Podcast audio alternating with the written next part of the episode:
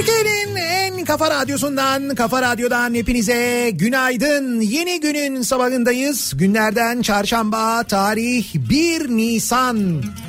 Evet, Nisan ayına girdik.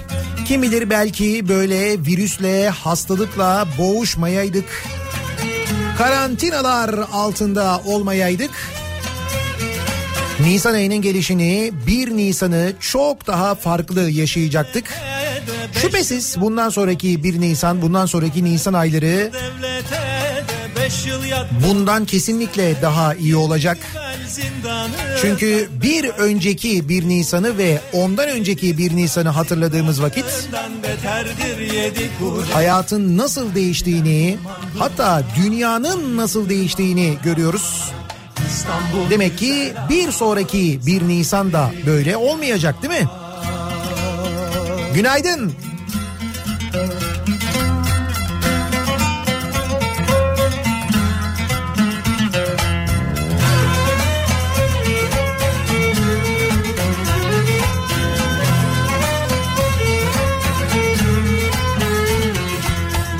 Beş yıl bana yaraştı da nargilem buna şaştı. Beş yıl bana yaraştı da nargilem buna şaştı. Her gün çizdim usturamla bağlamam doldu taştı. Her gün çizdim usturamla bağlamam doldu taştı. Sarma cigaram yanar ah şekerim arar Tekkimiz güzel ama haber uçuranlar var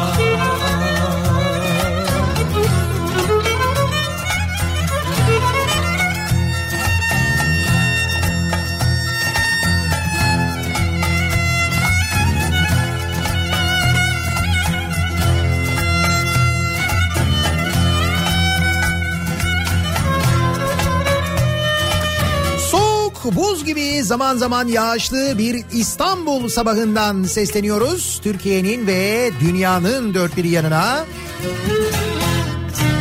Kimi bloke koyulmuş, kimileri neyse bloke koyulmamış tüm belediyelere. Onlara da sesleniyoruz elbette. Ucuda gümüştendir gümüşten Beş değil on beş yıl olsa ben vazgeçmem bu işten Beş değil on beş yıl olsa ben vazgeçmem bu işten Nargilem duman dumana Bayıldım aman aman. İstanbul güzel ama. Malum bir yardımlara bloke koyma durumu var. Bunlarla ilgili konuşacağız elbette. Programın ilerleyen dakikalarında. Türkiye'den ve dünyadan yeni gelişmeler var. Amerika'da durumun ne kadar ciddiye e, bindiğinin farkına henüz varan Donald Trump ki bu Donald Trump'ı herhalde kastederek şu Homeland dizisinin final sezonunda bir yeni Amerika başkanı e, göreve başlattılar. Şimdi çok detay anlatmayayım da bildiğin Trump ya. Kafa aynı çalışıyor. Daha doğrusu aynı çalışmıyor. Şimdi Donald Trump şöyle anlamış mevzunun ciddiyetini. Bir arkadaşım var diyor. Çok diyor sağlıklı bir insandı diyor böyle. Çok diyor sağlam bir insandı diyor. Sonra biraz böyle ateşim var dedi diyor. Hastaneye gitti diyor. Şu anda diyor komada diyor. Bu iş diyor çok ciddi diyor. Ancak kendi yakın çevresinden birinin başına gelip de bunu görünce anladı adam biliyor musun mevzunun ciddiyetini.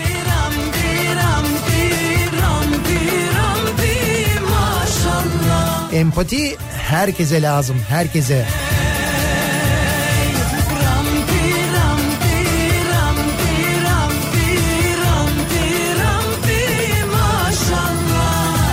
Dün sabah benzine zam motorine indirim miydi yoksa benzine indirim motorine zam mıydı? Nasıldı ya dün sabah? Öyle bir şeydi değil mi? Birine indirim olmuştu, birine zam olmuştu. Bu sabah ne oldu? Evet bugün de bir şey oldu. Aynen öyle. Motorine 8, benzine 10 kuruş indirim oldu. Bu sefer istikrarı yakaladık. En azından ikisinde bir de ikisinden bir de indirim olması konusunda. İstanbul'da 1 litre benzinin fiyatı 1 5 lira 3 kuruş. 1 litre motorinin fiyatının ise 5 lira 37 kuruş seviyelerine gerilemesi bekleniyor. Sayın Dizel.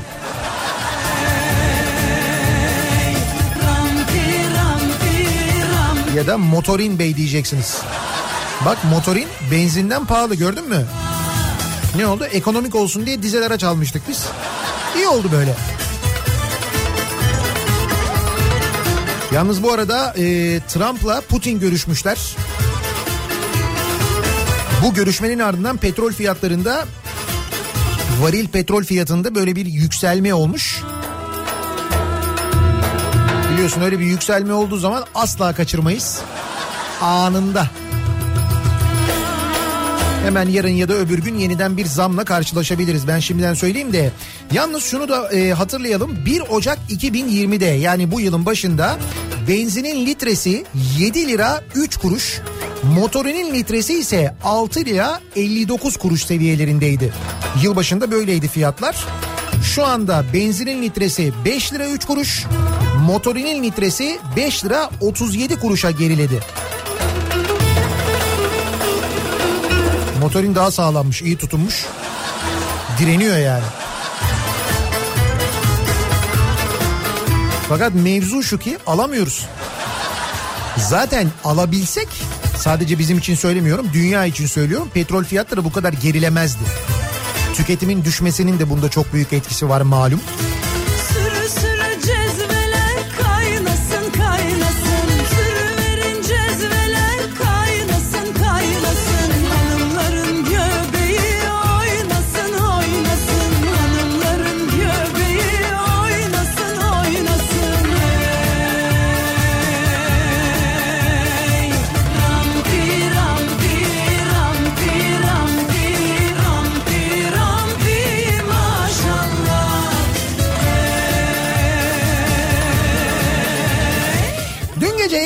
Yakın'la birlikte Kafa Dergisi'nin Instagram hesabından bir sohbet gerçekleştirdik. Bilmiyorum izleyebildiniz mi? Saat 10'da başladık. Ee, sohbetin öncesinde Sunay abiyle konuştuk telefonda. Dedi ki ne kadar konuşuruz ne kadar sürer dedi Sunay abi. Dedim ki abi yarım saat. Hatta dedim ki 20 dakika yarım saat yani 20 dakika diye düşünelim biz. Hani muhabbet güzel olursa böyle bir yarım saat falan konuşuruz dedik. Tamam böyle konuştuk ondan sonra başladık yayına saat tam 10'da. 11'de bitti. Buna niye şaşırıyorsam ben. Çünkü Sunay abi anlatıyor. O anlatınca benim aklıma bir şey geliyor. Bir de çok özlemişim Sunay abiyle böyle karşılıklı sohbet etmeyi. Neleri özlediğimizi de konuştuk. Neler yaptığımızı konuştuk. O arada konuştukça laf lafı açtı. Aklımıza bir şeyler geldikçe onlarla ilgili konuştuk. O da çalışma odasındaydı. Ben de çalışma odamdaydım. Bir ara birbirimize bak bende bu var bak bende bu var diye böyle bir yarışa başladık. En son ben bir tane penguen var benim çalışma odamda. Bakıp bakıp hep medyayı hatırlıyorum. Böyle olma diyorum kendi kendime hep. Öyle bir penguenim var benim masamda. O pengueni gösterdim en son. Ondan sonra dedi ki işte penguen dedin dedi hatayı yaptın hayatın hatasını yaptın dedi. Ee, kızı Ilgın'ın bir penguen koleksiyonu var. Ben biliyordum onu da. İşte tufaya düştüm orada. Ya çünkü masanın üstünde gösterecek başka bir şey kalmadı. O penguen koleksiyonunu bir gösterdi ki hakikaten dünya çapında bir koleksiyondur o. Ondan sonra ben artık pes ettim. Fakat çok keyifli bir sohbetti gerçekten de umuyorum izlemişsinizdir.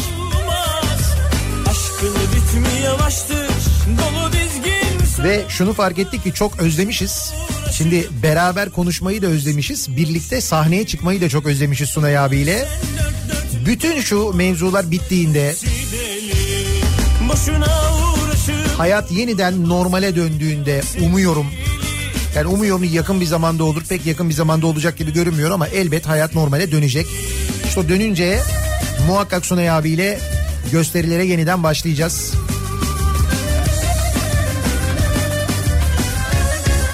Ve elbette o gösterilerde sağlık çalışanlarını unutmayacağız. Onlara ömrümüz boyunca ödeyemeyeceğimiz bir borcumuz var çünkü. Ve her geçen gün borçlanmaya da devam ediyoruz sağlık çalışanlarına. Biz farkındayız ne olduğunu, ne yaptığınızın, ne kadar fedakar olduğunuzun, nasıl bir kahramanlık yaptığınızın emin olun farkındayız. Elimizden geleni yapıyoruz. Biz radyo yayınlarıyla yapmaya gayret ediyoruz.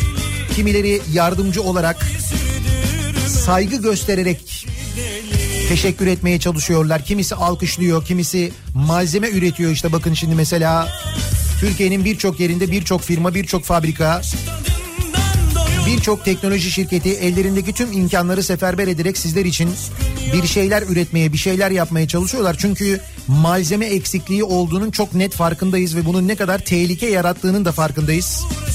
Biz farkındayız. Eminim birçok yetkili de farkındadır ama yeterli olmuyor. Onu da net bir şekilde anlıyoruz. İşte elimizden geldiğince yardımcı olmaya çalışıyoruz ama dediğim gibi her geçen gün sağlık çalışanlarına daha da fazla borçlanıyoruz. Ömrümüzün sonuna kadar da o borcumuzu unutmayacağız. Ah Galatan ordu, aşk mevsimin çok soldu. Keşke devran dönse ama vakit geç oldu. durma aşkın yok gidi. Sağlık çalışanları deyince elbette başta doktorlar, hemşireler, hastanelerde görev yapan tüm görevliler, tüm sağlık çalışanları, eczacılar aynı şekilde onlar da gerçekten çok büyük fedakarlık yapıyorlar biliyoruz. Ee, eczacılar demişken bu arada Ankara'da ve İzmir'de eczanelerin çalışma saatleri değiştirilmiş sevgili dinleyiciler. Bizi Ankara'da ya da İzmir'de dinliyorsanız Pazar hariç saat 10'da açılıp 18'e kadar hizmet verecek. Bundan böyle Ankara ve İzmir'deki eczaneler şu anda Ankara ve İzmir için böyle bir karar alınmış bildiğim kadarıyla. Covid-19 pandemisi sebebiyle iş yükü artan ve yüksek risk grubunda bulunan eczacılarımızın ve yardımcı personellerimizin çalışma saatlerinin esnetilmesi için bir süredir İl Sağlık Müdürlüğü nezdinde yürüttüğümüz çalışmalar sonuçlandı. Şimdi bu Ankara e, Eczacılar Odası'nın yaptığı açıklama Ankara ve Kırıkkale illerimizde diyor. 10 ve 18 saatleri arasında çalışılacak. Aynı şey İzmir'de de geçerli. İzmir'de de eczaneler 10-18 saatleri arasında çalışacakmış. Bugünden itibaren cumartesi günleri de dahil 10-18 arası çalışıyor. Ankara, Kırıkkale ve İzmir'de eczaneler muhtemelen diğer şehirlere de bu yayılacaktır. Eczacılar odaları il sağlık e, kurulları ile bunu görüşüyorlar. İl sağlık müdürlükleriyle görüşüyorlar. Birlikte karar veriyorlar. Tahmin ediyorum birkaç güne Türkiye genelinde böyle bir uygulamaya gidilecektir. Tüm eczacılar için.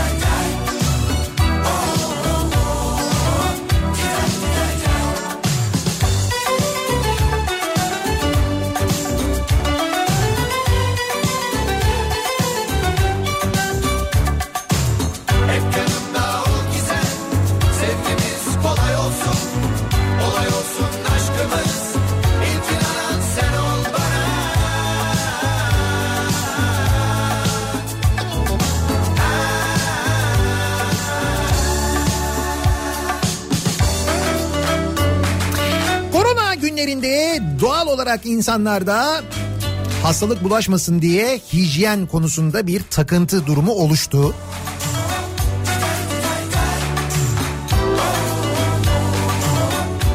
Akşama kadar televizyonda orada burada sürekli uzmanları dinleyip işte oradan da böyle olur şuradan da kendinizi böyle koruyun burada da şöyle oluyor falan şeklinde uyarıları dinledikçe doğal olarak insanlarda hafiften de olsa bir paranoya durumu başladı. Bunu kabul etmek lazım.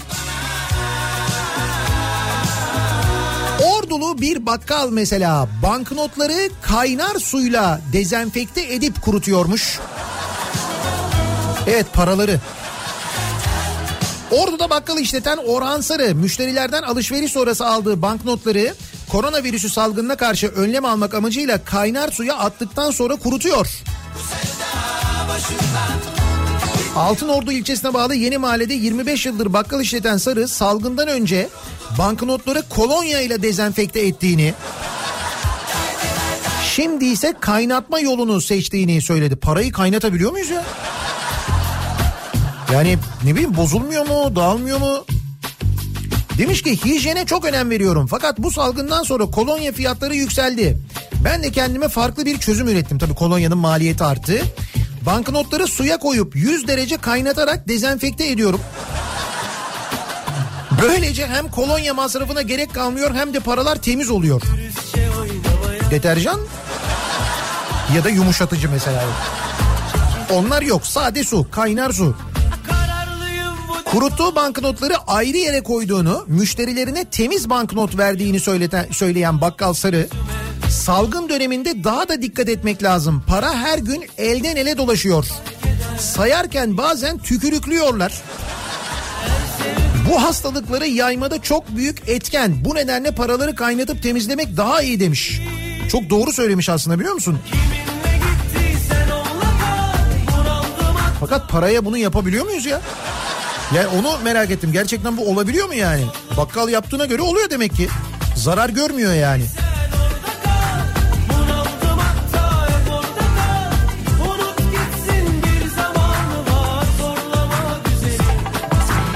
Peki şimdi Merkez Bankası'nın para basabileceğinden e, bahsediliyor. Böyle bir işte ekonomistlerin yorumları var. Yani basılacaksa e, tam da zamanı aslında. Şimdi basılmalı falan diyorlar. Bilmiyorum öyle bir şey olur mu? Zaten mutat e, para baskısı yapıyordur herhalde Merkez Bankası ama normalden fazla bir baskı yapılırsa, para basılırsa acaba diyorum Hani para basılırken şu anda kullanılan malzemeden daha farklı bir malzeme mesela üzerinde virüs barındırmayacak bir malzeme kullanılabilir mi? Hani bazı e, Avrupa ülkelerinde hatta bir ara euro ile ilgili de öyle bir şey vardı galiba değil mi? Böyle paralar kağıttan değil farklı bir plastikten farklı bir malzemeden yapılıyor. Acaba daha mı sağlıklı olur ne bileyim hani o olduğu zaman mesela çeşmenin altında falan yıkayabilir miyiz? Bakkal amcanın mesela yüreğine inmez mi? Bence eminim o da o kaynar suya sokarken bir endişe ediyordur da. Yüzlükleri sokmuyorum. Ne olur ne olmaz. Maksimum 50. O kadar.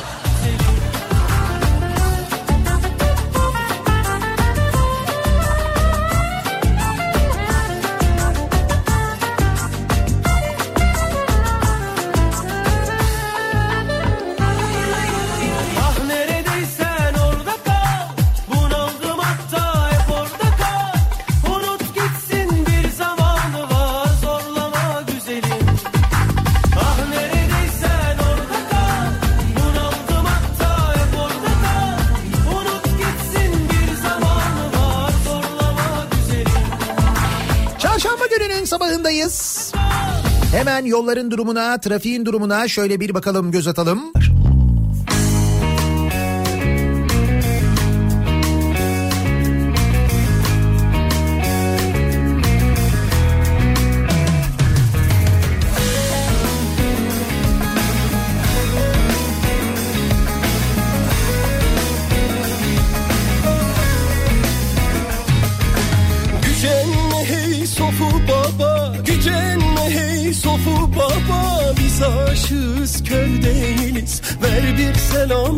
Merhaba İkiliye yar değiliz. Ver bir selam al merhaba İkiliye yar değiliz. Hudey hudey meyhaneci Şarabın bugün çok acı. İnsanlar Kabe misali Gelen derviş giden hacı. Oh oh oh oh meyhaneci Şarabın bugün çok acı. Kafa Radyo'da Türkiye'nin en kafa radyosunda devam ediyor. Daiki'nin sunduğu Nihat'la muhabbet. Ben Nihat Sırdar'la. Çarşamba gününün sabahındayız. 7'yi 26 dakika geçiyor saat. Korona haberlerine elbette geçeceğiz. Yine çok önemli gelişmeler var hem dünyada hem Türkiye'de. Ama bir yandan Biz can hakkı yar değiliz Kul hakkı Türkiye'de değil Türkiye'de dünyada kıyamet kopsa yine de Türkiye'de olmaya devam edecek. Gelişmeler de bir yandan oluyor elbette. Tramvay yolunda ata bindi. İşte haber böyle başlıyor. Tramvay yolunda ata bindi. At beni kaçırdı dedi. Gören seven hacı İzmir'de olmuş bu. İzmir'in Konak ilçesinde sokakta gördüğü bir ata binen kişinin Şimdi zaten buraya kadar olan kısmı aslında tuhaf. Sokakta gördüğü ata binen kişinin. Ya böyle sanki öyle de bir anlatılmış ki yani böyle İzmir'de hep olan bir şey. İzmir'de sokakta bir at görüyorsun. Aa at diyorsun biniyorsun. E, İzmir için çok normal yani. Arkadaş bu kadar gidiyoruz geliyoruz İzmir'e. Ben daha İzmir'de hiç öyle ha mesela konakta git, dolaşan böyle kendi başına dolaşan bir at. Sonra aa dur bakalım binelim diyen biri. Ben hiç denk gelmedim. Bize mi denk gelmedi acaba? Normalde İzmir'de böyle bir adet var da.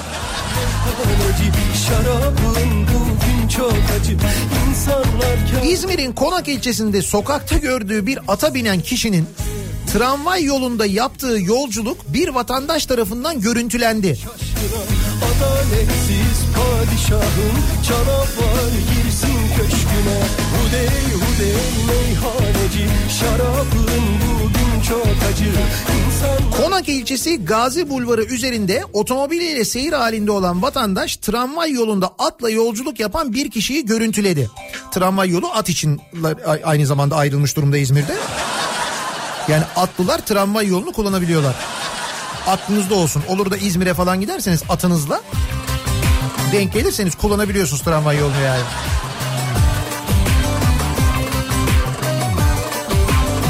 İddiaya göre sokakta bulduğu atı durdurmak için üzerine binen kişi atı durdurmak için üzerine biniyor.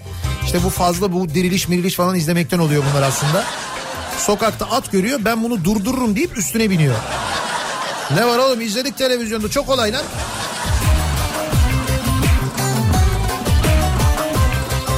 Fakat at Diriliş Ertuğrul'u izlemediği için bu müdahaleden haberi yok, bu yöntemden haberi yok. At başlıyor koşmaya.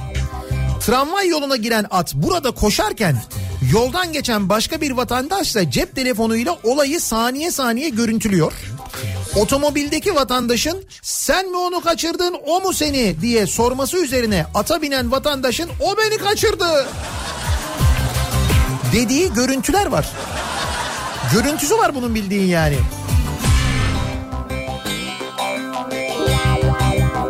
Ay İzmir'de sıradan bir gün diyeceğim ama değil biliyor musun yani?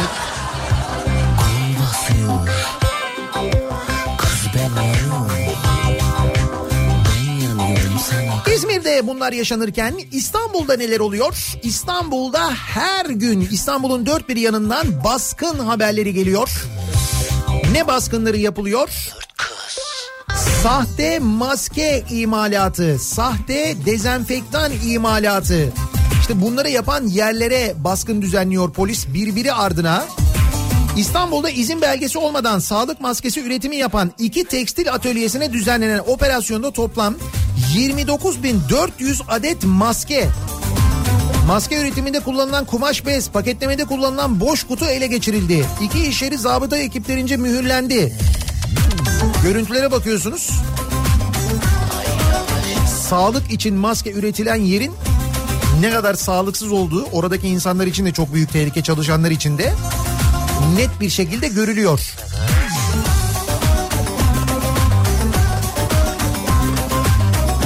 Sahte dezenfektan üretenler var mesela. Onlar da çok fena.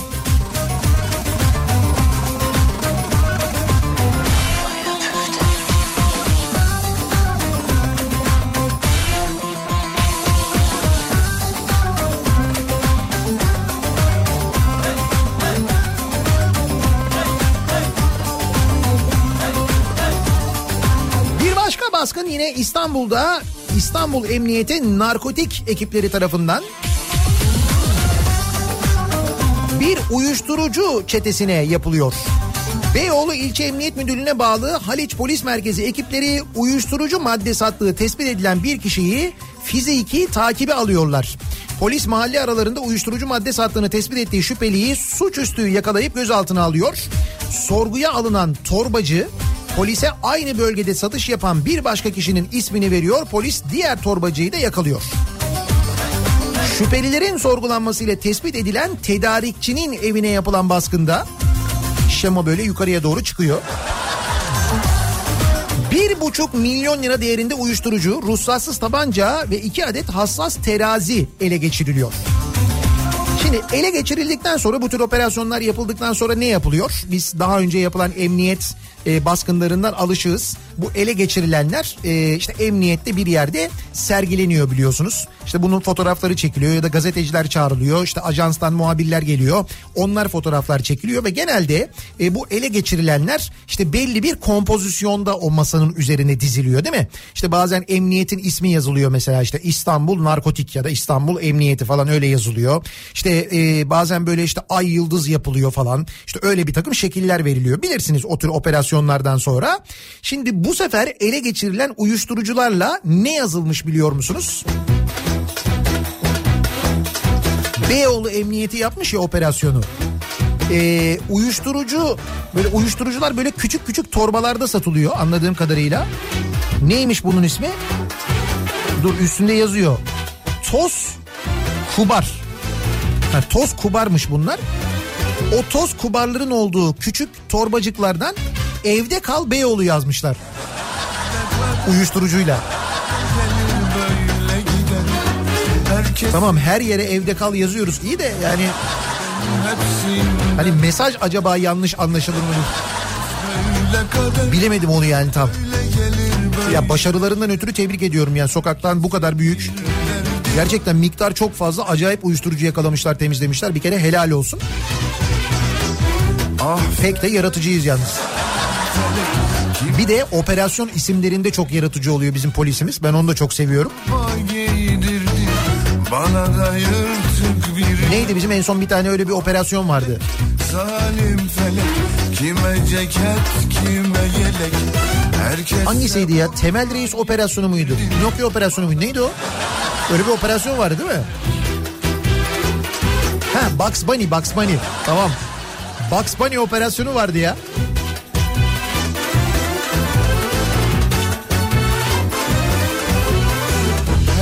Şeyin yalan rüya İnsanların hayal gücünün olması güzel bir şey. Yani hayal gücü beraberinde yaratıcılığı getiriyor. İşte mesela o polis operasyonuna Bugs Bunny isminin verilmesini isteyen mesela polis. Şey Ya da işte burada e, bu böyle yazalım diyen mesela o sırada o fikir aklına gelen insan mesela. Bunlar pozitif yaratıcılıklar aslına bakarsanız. Ama bir de e, yaratıcılık değil. Şimdi bunun tam tersine biz ne diyebiliriz tam bilemiyorum ama... Şimdi muhafazakarlık desem tam değil çünkü muhafazakarlık öyle bir şey değil aslında. Hani böyle yaratıcılığın tam tersine ne diyebiliriz biz? Bağnazlık diyebilir miyiz mesela? Ya böyle bir düşünce tarzı olabilir mi? Bunu şunun için söylüyorum. Şimdi koronavirüs salgını sebebiyle uzaktan eğitim yapılıyor ya. İşte bu uzaktan eğitime geçilmesiyle birlikte e, çocuklar evde eğitim görüyorlar. İşte öğretmenleri e, kimi öğretmenler çocuklarına WhatsApp gruplarından bağlanıyor mesela bazen görüntülü bağlanıyorlar. Televizyondan izliyorlar, internetten izliyorlar dersleri falan. Herkese kavun yedirdin Bana da yedirdin kelek Ah felek E, fakat burada e, şöyle bir şey oluyor. kime yelek Herkes Okul WhatsApp gruplarında e, deniliyor ki çocuklar hani güzel günler gelecek tamam şu anda evdeyiz ama işte bu hastalık bitecek güzel günler gelecek. İşte o güzel günleri simgeleyen işte gökkuşağı çizsinler deniyor. İşte öğretmenleri diyorlar ki çocuklar gökkuşağı çizsinler. Gökkuşağı çiziyor çocuklar. Yani bir çocuğun gökkuşağı çizmesinde ne sakınca olabilir? Bizim çocukluğumuzun çocuk dediğim bu arada ilkokul öğrencilerinden bahsediyorum ha. İlkokul de, ilkokuldaki resim dersinde ya da resim işti değil mi dersin ismi? Resim iş dersinde çizdiğimiz o ilk resimleri hatırlasanıza. iki tane dağ böyle. İşte dağın ortasından böyle iki dağın tam böyle ortasından o vadiden böyle güneş doğuyor. İşte güneşin üstüne mesela gökkuşağı çiziyoruz değil mi? Böyleydi yani. Ya da işte böyle bir buna benzer bir manzara resmi çiz- çizmeye çalışırken muhakkak bir yerlerine böyle bir gökkuşağı yapardık değil mi? İlkokul çocuğu ya gökkuşağı yapıyor. Bundan rahatsız olmuşlar biliyor musun? Demişler ki e, bu demişler bir LBGTİ projesidir. Gökkuşağı onların sembolüdür. Mayıs ayında yapacakları onur yürüyüşünün ön hazırlığı ilkokul diyorum ya. İlk, ilkokul öğrencileri onur yürüyüşünün ön hazırlığını yapıyorlarmış. Bak bak ruh hastalarına bak. Şimdi yaratıcılık değil tam tersi derken bunu kastediyordum işte yani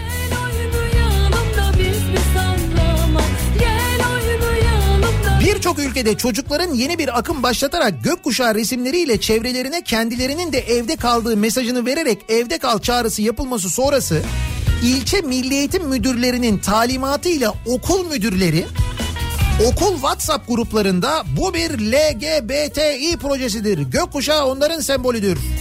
Mayıs ayında yapacakları onur yürüyüşünün bir ön hazırlığıdır diye yazmışlar.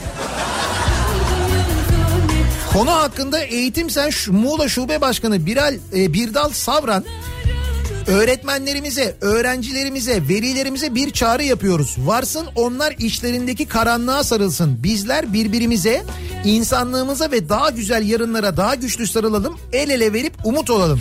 Çocuklarımızı insanlıktan nasibini almamış olanların karanlık ve kötücül dünyalarına teslim etmeyelim. Çocuklarımızın renklerinin kirlenmesine izin vermeyelim demiş. Bak ilkokul öğrencisi çocuk resim kağıdına gökkuşağı çizdi diye adamın kafa nasıl çalışıyor bak. Nasıl aklına geliyor? Nereden onu bağlıyorsun? Demek ki bu bir ön hazırlıktır falan. Lan ne ön hazırlığı? Sokağa çıkamıyoruz. Arasından gördüm yüzünü Kara kaşlarını da enla gözünü Yani gerçekten arkadaş ne içiyorlar ya da neyi eksik içiyorlar hani eksik süt mü mesela süt eksikliğinden mi kaynaklanıyor bu zamanında yeteri kadar anne sütü almadıkları için mi böyle ne bileyim hani Ya da şu anda tüketilen bir şeyden mi kaynaklanıyor acaba nedir? Bunları söyleyenler ilçe milli eğitim müdürleri yani milli eğitim müdürleri böyle şeyler düşünüyorlar. Okul müdürlerine talimat veriyorlar. Onlar gidiyorlar öğretmenlere yazıyorlar. Nasıl oluyor diyorsun değil mi? Nasıl böyle insanlar ilçe milli eğitim müdürü oluyorlar mesela? Peki şimdi bunu söylüyorsunuz ya. Anadolu Üniversitesi rektörünün e, videosunu izlediniz mi? Anadolu Üniversitesi Eskişehir Anadolu Üniversitesi. Bilmiyorum Anadolu Üniversitesi'ni bilir misiniz? Hiç Eskişehir'e gittiniz mi gördünüz mü? Türkiye'nin en iyi üniversitelerinden biriydi. Öyle söyleyeyim ben. Biriydi diyorum çünkü şu anda görev yapan rektörün bir videosu var. Ne olur bulun sosyal medyada çok kolay da bulursunuz izlersiniz. Anadolu Üniversitesi rektörü profesör doktor. Bir de kendisi profesör bu arada. Yine odaya Ama biz bu profesörlük mevzuna Buran Kuzu'dan sonra çok şaşırmıyoruz zaten. Ertan Çomaklı sosyal medya hesabından yayınladığı videoda öğrencilerini anneme söylerim sizi diyerek tehdit ediyor. Orada şaka yapıyor tabii ama videonun tamamını bir izlemeniz lazım. Anadolu Üniversitesi rektörünün konuşmalarına, o video sırasındaki hareketlerine, o aradaki diyalogları mutlaka bir dinlemeniz lazım. Daha fenası var. Bu rektörün annesi yani bu profesör doktor Şafak Ertan Çomaklı'nın annesi Zekiye Çomaklı'nın bir videosu var. Ve İzmirliler için ya öyle şeyler söylüyor ki inanamazsınız. İnanamazsınız. Yani ben İzmirli olsam çoktan mahkemeye vermiştim. Kim bilir belki İzmirliler mahkemeye vermişlerdir de diye düşünüyorum. Ama mahkemeye vermeye gerek yok. Şimdi bu konularda böyle çok bir hassasiyet var ya halkı kin ve düşmanlığa sevk etmek, toplumun bir bölümünü rencide etmek falan.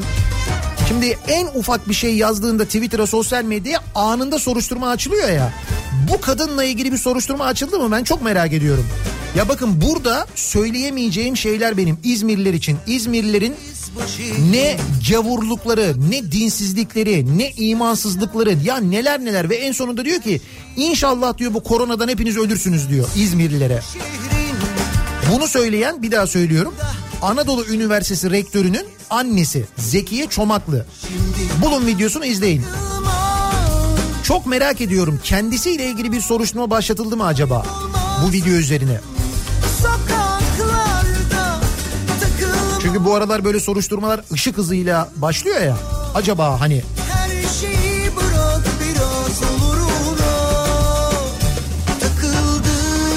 oldu? Kör oldu.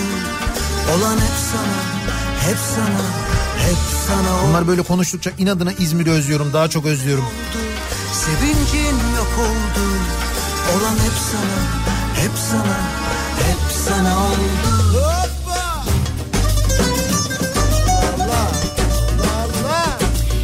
Biz koronavirüs, tedbirler, nasıl korunuruz, kendimizi nasıl izole ederiz diye düşünürken, bunları konuşurken, dünya bunları konuşurken o sırada bakın başka neler oluyor. Türk Hava Yolları Yönetim Kurulu toplantısı gerçekleşiyor.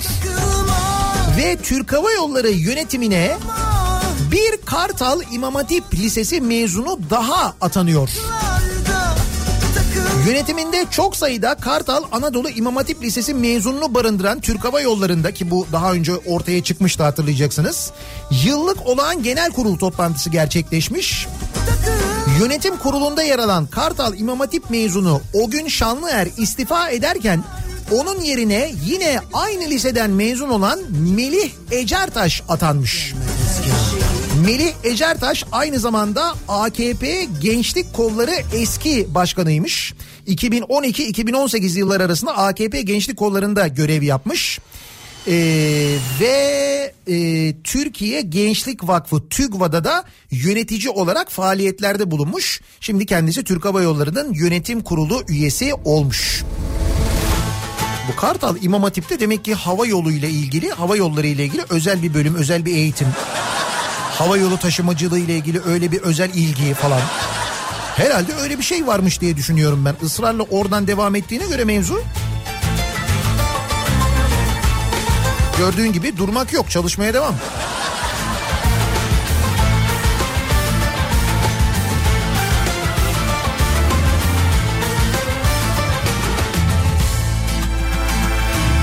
Yaz dostum güzel sevmeyene adam denir mi?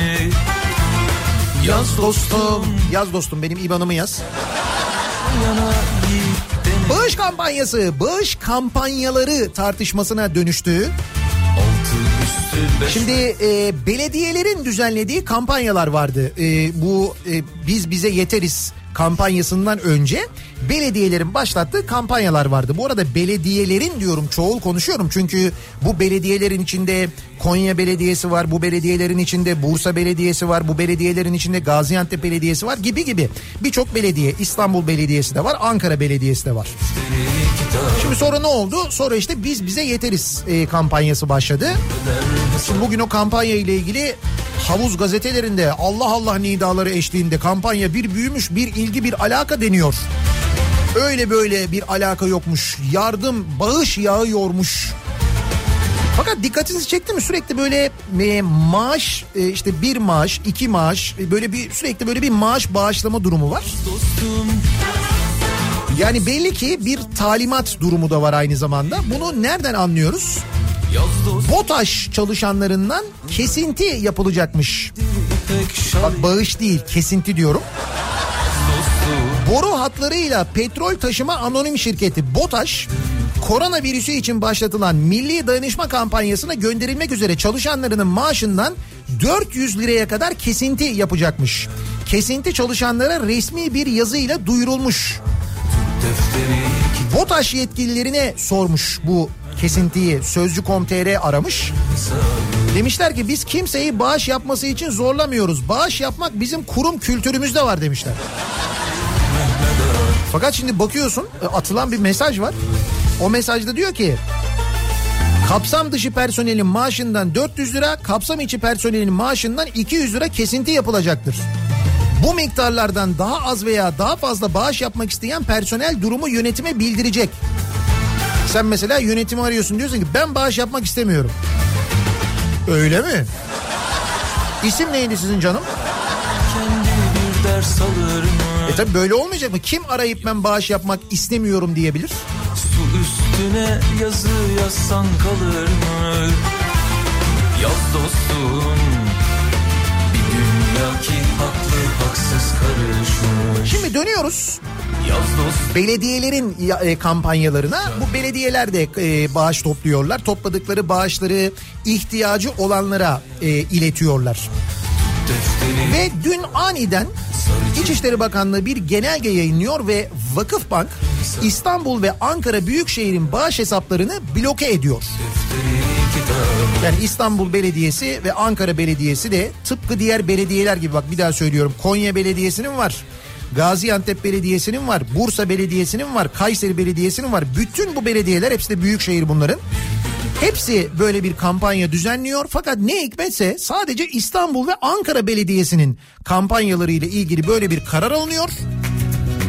Ve hesaplara bloke konuluyor. İnsanların gönüllü olarak gidip bağış yaptıkları hesaplara bloke konuluyor yani. Nasıl? Güzel değil mi?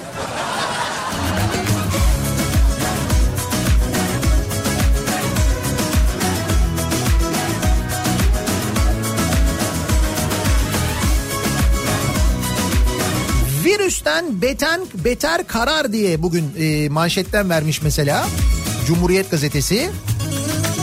Salgının ciddiyetini hala kavrayamayan iktidar dar gelirliği dar gelirliye, işini kaybedene, işsize ve kepenk kapatan esnafa destek için CHP'li belediyeler tarafından oluşturulan dayanışma ve yardım ağlarını engellemek için valiliklere yazı göndermiş. Belediyelerin açtığı hesaplar bloke edilmiş. Hukukçular ve CHP Genel Başkan Yardımcısı Torun kampanyaların belediye yasasına uygun olduğunu söylemiş. Evet yani yasaya baktığınız zaman gerçekten belediyelerin böyle bir yardım kampanyası düzenlemek için valilik kararına ya da izne ihtiyacı yok. Yasada çok net bir şekilde görülüyor. Üstelik bir daha söylüyorum. Madem belediyelerin böyle bir şey yapması yasak, o zaman bütün belediyelerin yapması yasak değil mi? Niye mesela e, Konya Belediyesi yapabiliyor da İstanbul Belediyesi ya da Ankara Belediyesi yapamıyor? Ya direkt insanın aklına bu soru geliyor aslında.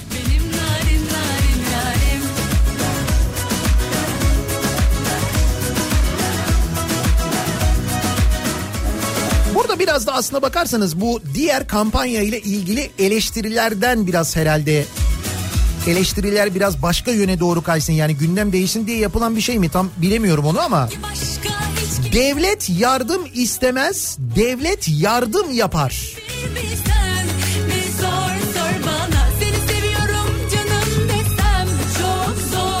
Devlet yardım istemez, devlet yardım yapar. Bu kimin sözü? Bir sor sor bana. 17 yıl önce bir Güneydoğu gazisi ülkenin ekonomik krizden çıkması için dönemin başbakanı Erdoğan adına maaşını bankaya yatırıp bağışlamış. Dönemin başbakanlık müsteşar yardımcısı parayı iade etmiş. İmzalı olarak gönderdiği yazının gerekçesinde de şöyle denilmiş.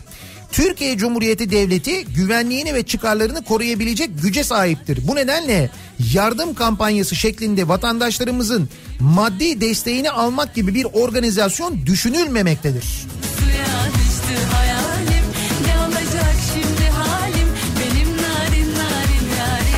Peki dünyada böyle bir bağış kampanyası yok mu? Var. Irak mesela IMF kayıtlarına göre Irak, Lübnan, Sri Lanka, Senegal ve Güney Afrika bağış kampanyası yürütüyormuş. Hal böyleyken biz kendimizi tabii bu ülkelerle hiç kıyaslamıyoruz biliyorsunuz. Böyle Sri Lanka, Sri Lanka falan. Biz daha çok Almanya. Hatta Almanya'nın bizi e, kıskandığından sürekli dem vuruyoruz ya. Şimdi bakın Almanya'da ne olmuş? Berlin 900 euro maaş göndermiş. Avrupa Birliği üyesi ülkeler ortak yardım paketi için çalışıyor. 756 milyar euroluk yardım paketi açıklayan Almanya başvuran herkesten IBAN numaralarını isteyip paraları havale etmeye başladı. Berlin şu önlemleri almış. Çocuklu ailelere her ay ödenen çocuk yardımı arttırılmış. İşi olmayan devlet yardımına muhtaç kişilere sorgusuz sualsiz her ay 900 euro gönderilecekmiş her ay. Sanatçılar, müzisyenler, tek başına ofisinde çalışanlar, ebeler, hemşireler ve hasta bakıcılar, durumu zora giren küçük esnaf 3 aylığına ayda 9000 euroyu geri ödemesiz olarak alacakmış. Çalışan sayısı 3 kişi veya fazla olanlar 1 milyon euroya kadar kredi kullanabilecek. Kredinin yıllık faizi yüzde bir olacakmış.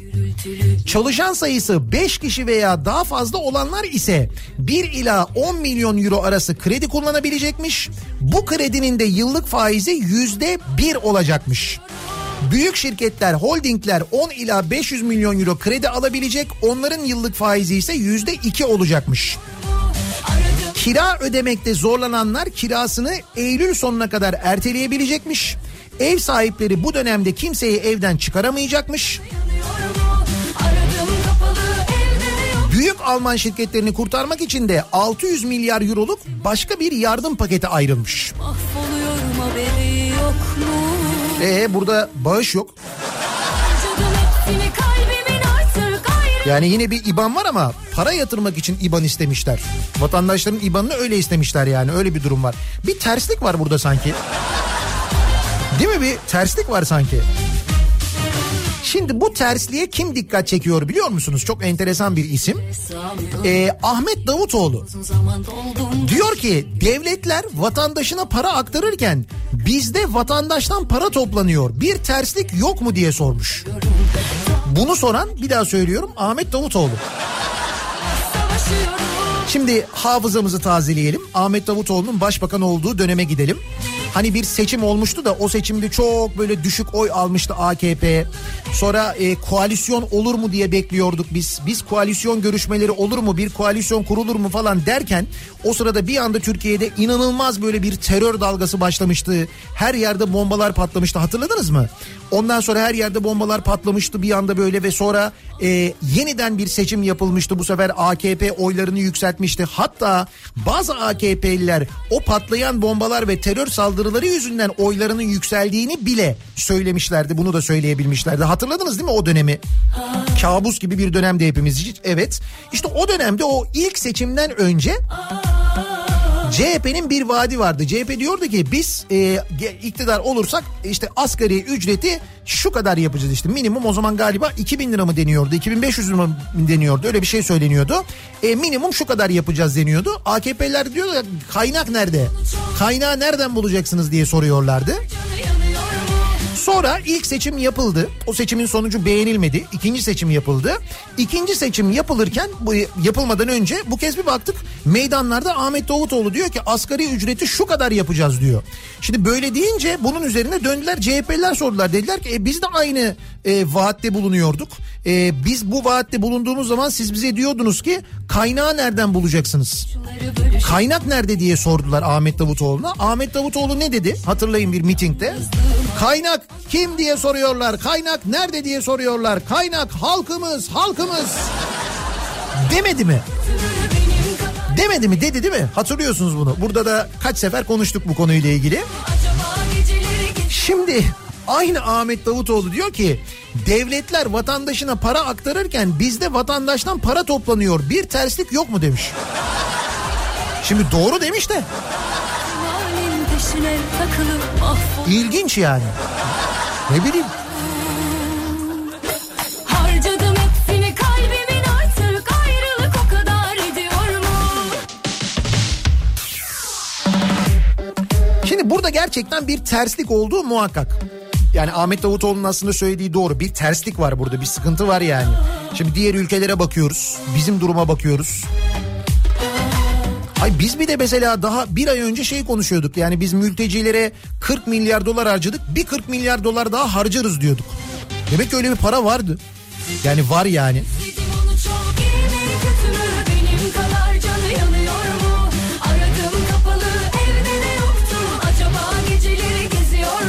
Sizce terslik nerede acaba diye biz bu sabah dinleyicilerimize soralım.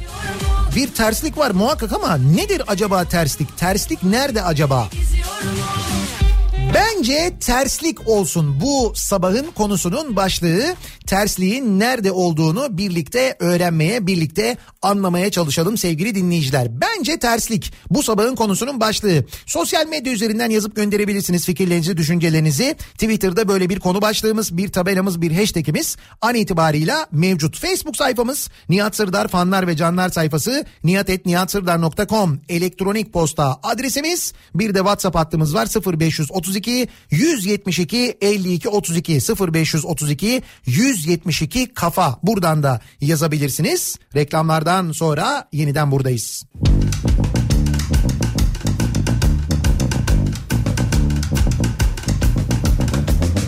Kafa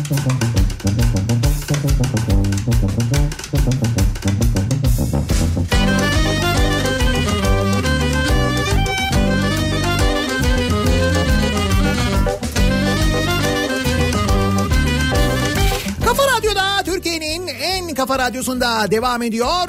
2'nin sonunda Nihat'la muhabbet. Ben Nihat Sırdar'la. 1 Nisan Çarşamba gününün sabahındayız. 8'e 2 dakika var saat. Mart ayını bitirdik. Belki ömrümüz boyunca unutamayacağımız bir Mart ayı geride kaldı. Yine ömrümüz boyunca unutamayacağımız, bundan yıllar sonra belki anlatacağımız bir Nisan ayına da giriş yapmış bulunuyoruz. Terslik üzerine konuşuyoruz. Bir terslik var bu işte değil mi? Görevdeyken asgari ücret artışı için kaynak tartışmalarında kaynak halkımız diyen Ahmet Davutoğlu koronavirüs karşısında bütün devletler vatandaşına para aktarırken bizde vatandaştan para toplanıyor.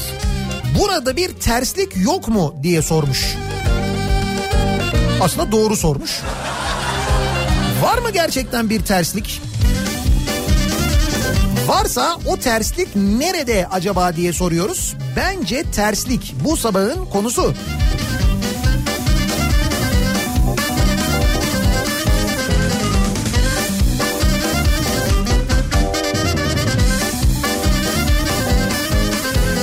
Bence terslik bizde diyor Dilek. Düşünüyor ve sorguluyoruz hatta mevzusunu yapıyoruz. Bunlar çok çirkin hareketler. Evet. Belki de bizde bir terslik var. Bence terslik varsa sirke ile çıkar diyor Adem. Ama ovalamak lazım dairesel hareketlerle.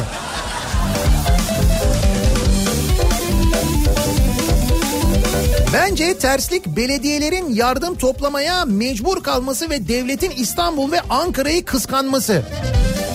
Yok be ne kıskanması? Hiç sanmıyorum öyle bir kıskanmamız kanma falan olduğunu.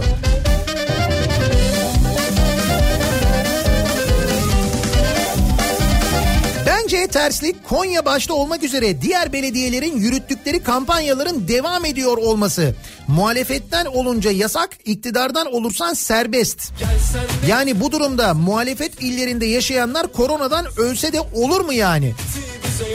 Öyle ya şimdi Konya Belediyesi'nin yardım toplayıp bunu vatandaşına ulaştırmasına müsaade ediyorsun ama İstanbullu İstanbullu vatandaşa İstanbul Belediyesi'nin o yardımı ulaştırmasına müsaade etmiyorsun. Yani İstanbullu yardım almasın. Ölsün yani. Şimdi buradan öyle bir sonuç çıkıyor aslında baktığın zaman. Yani mevzu da üstelik bir şeyden bahsediyoruz. Yani bir sağlık e, durumundan, onun yarattığı bir krizden, bir pandemiden bahsediyoruz değil mi?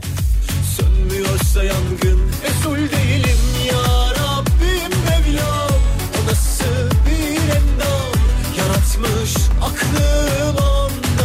Bence terslik bende diyor Onur. Yanlış ülkede dünyaya gelmişim. Şöyle biraz daha batıya dümen kırabilseymişim yok bak batıda.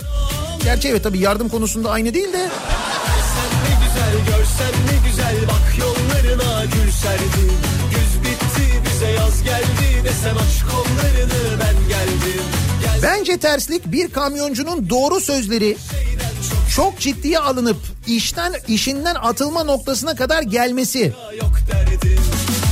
Ancak başkaları beddua okuduğu halde hiçbir şey yapılmamasıdır. O kamyoncuyu hatırlıyorsunuz değil mi? Hafta sonu konuşan kamyoncu anında gözaltına alındı. Sonra serbest bırakıldı.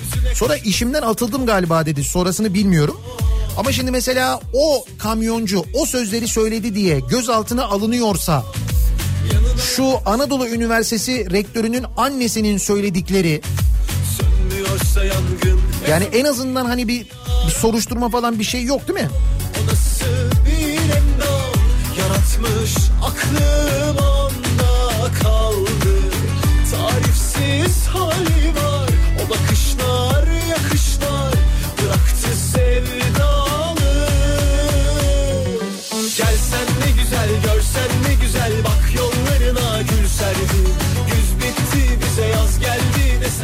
terslik daha olayın başında işte bu da kulağımızın arkası demeyen bizde.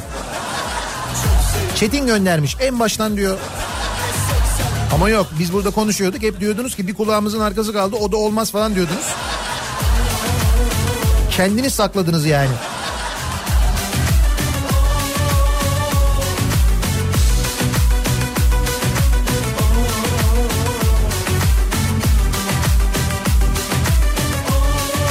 Yenilenen seçimin yıl dönümünü unuttuk mu?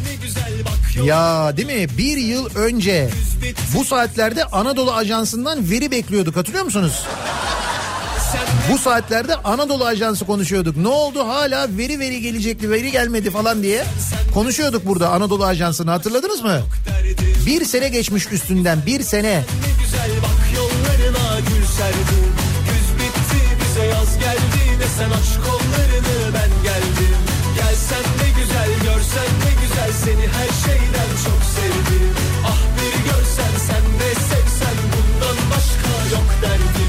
Yargıtay Başkanlığı e, hakim ve savcılardan en az bin lira, çalışanlardan da en az 100 lira bağışta bulunmalarını istemiş.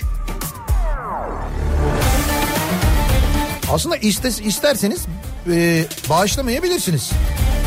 Siz bilirsiniz.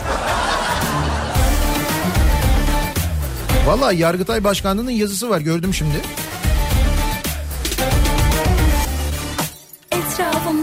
Herkes deli dolu derya deniz sevgisi Aşk gökten yağmış gibi başımıza herkes profesyonel Alem gergin tipleri sever harcar bütün efendileri Bana gelmez öyle işler ay çok sansasyonel Bence terslik var diyor bir dinleyicimiz. Bugün Nisan olamaz 32 Mart gibi geliyor bana. Nijerya'ya meteor da düşmüş. Yok o Nijerya'ya düşen meteor değil. O görüntü meteor düşme görüntüsü değil. Orada daha önce mühimmat taşıyan bir tır patlamış. Onun oluşturduğu bir çukur o. Meteor çukuru değil. Şimdi bana da bir sürü mesaj gelmiş. Bak meteor diyordun al meteor da düştü işte. Bir tek uzaylılar kaldı falan diye herkes yazmış bana. Yok o görüntü meteor görüntüsü değil merak etmeyin. Daha meteor çarpmadı dünyaya. Bir meteor kaldı bir de uzaylılar kaldı. Onlar daha şu anda yok. Ama bu şansla biz onları da görürüz. Tam da yıl dönümündeyken hatırlayalım. Bence terslik. Yoksa bile muhakkak bir terslik vardır. Tabii canım hiçbir şey olmasa bile illa bir terslik olmuştur yani.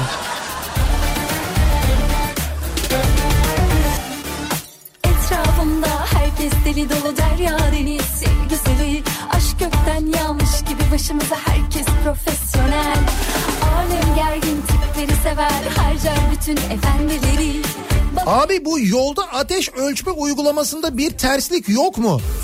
Ecza deposu çalışanıyım. Afyon Uşak arası ilaç taşıyorum. Günde iki defa Uşak ve Afyon girişlerinde çevre yolunda uygulama yapılıyor. Uşak'ta konvoy sonundan uygulama yerine 1 saat 25 dakikada vardım. İlaçları yetiştiremedim.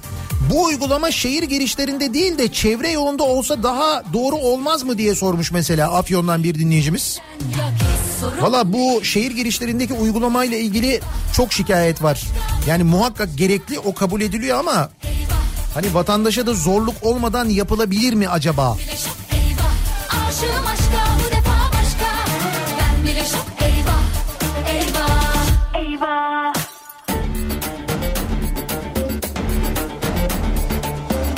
Ankara'dan Sinan diyor ki bence terslik korona tedbirleri kapsamında konut kredi kampanyası ve iç hat uçuş KDV indirimi gelince başladı.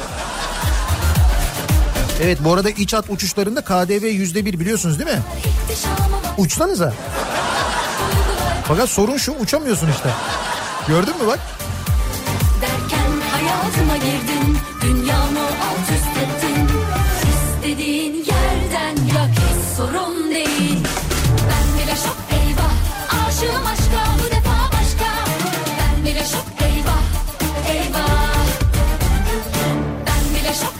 Bence terslik özel okulların içinde bulunduğumuz durumu bahane ederek hala maaşımızı ödememesi. Velilerden paraları peşin aldılar. Mersin'de birkaç şubesi olan bir özel okulda öğretmenim Şubat maaşı hala verilmedi. Çok zor durumdayız. Şimdi mesela e, özel okullarda görev yapan öğretmenlere özel okullar maaş ödemiyorlar bir yandan. Bir yandan da veliler diyorlar ki biz peşin ödedik ama çocuğumuz şu anda eğitim almıyor diyorlar. Bir de öyle bir şey var. Şimdi orada özel okullar bu eğitimleri uzaktan çocuklara vererek yine öğretmenler vasıtasıyla uzaktan çocuklara eğitim vererek bu açığı kapatmaya çalışıyorlar ama konuyla ilgili milli eğitimin henüz bir e, düzenlemesi yok bildiğim kadarıyla.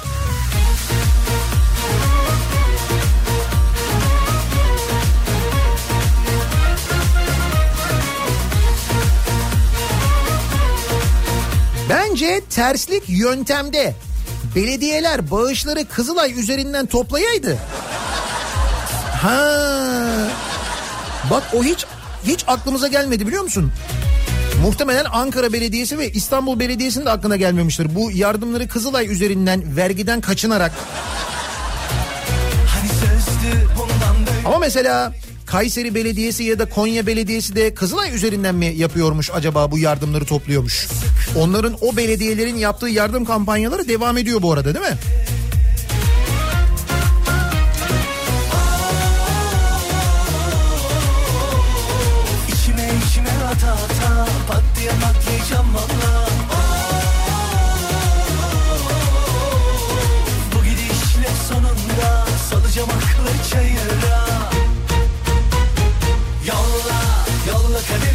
Acaba bu yardımı mesela vergisi yüzde yetmiş olan içki alarak mı yapsak? Evet böyle bir yöntem geliştirmiş dün herkes onu onu konuşuyordu. İşte alırsak zaten onun yüzde yetmişi vergi olarak gittiği için aslında bağışta bulunmuş olur muyuz diye. İşte zaten terslik oradan kaynaklanıyor. Zaten bu kadar vergi ödüyorken neyin bağışını yapıyoruz diye.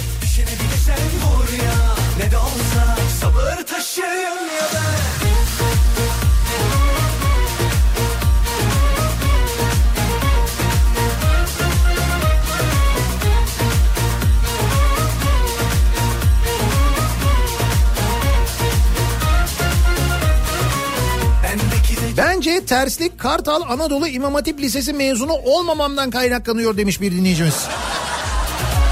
Zaten olsaydınız bugün Türk Hava Yolları'ndaydınız. Yüzde 90 ihtimalle. Türk Hava Yolları Yönetim Kurulu'na yine öyle biri atanmış ya.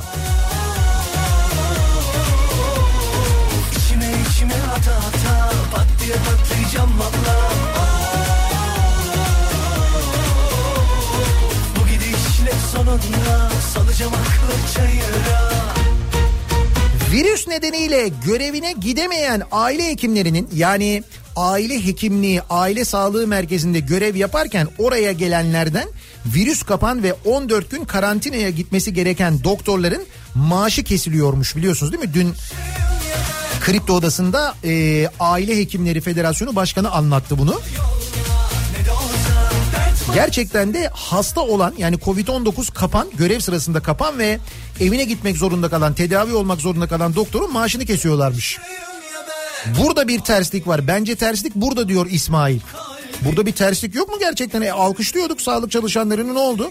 Aile hekimleri sağlık çalışanından sayılmıyor mu? Garibim Bir türlü bilemedim Bazı illerde ipin ucunun kaçtığını söyleyen koronavirüs bilim kurulu üyesi Necmettin Ünal o illerde sokağa çıkma yasağı şart. Başka türlü salgını önlemek mümkün değil ifadelerini kullanmış. Ki bu illerden bir tanesinin İstanbul olduğunu hepimiz çok iyi biliyoruz. Bence terslik doktorların sözlerini dikkate almamak diyor bir dinleyicimiz. Bak Donald Trump bile bugün e, sabaha karşı bize göre sabaha karşı yaptığı konuşmada mevzunun ciddiyetinin ne kadar büyük olduğunu anlamış. Bir savaşa giriyoruz öyle böyle bir şey değil bu. Tamamen bilim adamlarının bilim insanlarının söylediklerini bundan sonra yapacağız dedi. Bak bunu Donald Trump bile dedi. Düşün. Biz e, hala bütün yetkiyi bilim kuruluna bırakmadık. Yani bilim kurulunun söylediklerini böyle sansürleyelim, azaltalım, kendimize göre uyarlayalım. Yok öyle değil de böyle yapalım değil. Bilim kurulu ne diyorsa onu yapmamız lazım bizim o kadar. Bilim kurulu söyleyecek, devlet, hükümet neyse onların söylediğini yapmak için e, elinden geleni yapacak. Bu kadar aslında olması gereken şey bu. Bakın bilim kurulu üyesi de diyor ki artık diyor bazı şehirlerde ipin ucu kaçtı. Bu şehirlerde muhakkak sokağa çıkma yasağı uygulamak lazım diyor ki bu şehirlerin başında İstanbul geliyor hepimiz biliyoruz.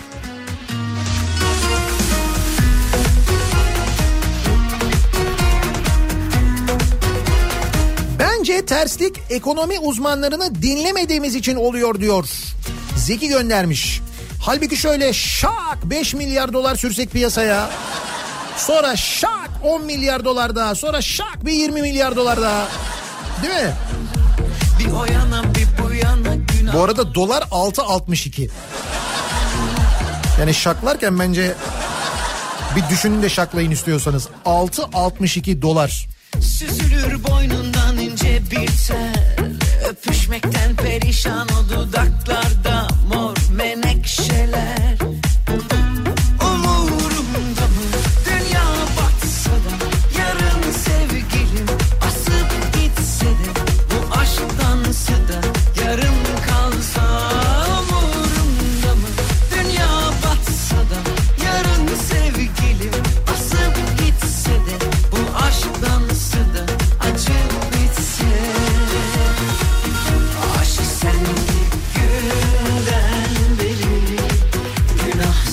Dediğinin zorla olanı makbuldür.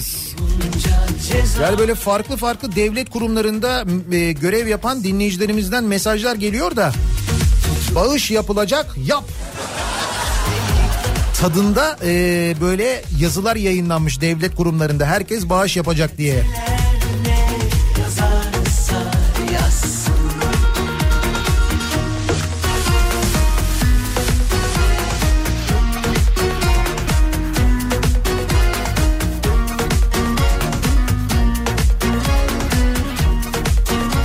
Terslik tam da bu durumda. Sosyal medya üzerinden bir anket yapmış birisi. Başlatılacak bir bağış kampanyasında en güveneceğiniz kişi ya da kurum hangisidir diye. Dört tane seçenek sunulmuş. Kızılay, hükümet, cumhurbaşkanlığı, Haluk Levent parantez içinde ahbap. 30 bin 174 kişi oy kullanmış toplam 13 saatte hatta 14 saatte. Kızılay yüzde bir, hükümet yüzde sıfır, Cumhurbaşkanlığı yüzde üç, Haluk Levent yüzde 95. Yarın sevgilim asıp gitse de Yazın bir kenara bir aya bu ahbabı kapatırlar. Böyle giderse ya da Haluk Levent artık FETÖ'cü mü çıkar? Bir şey mi olur?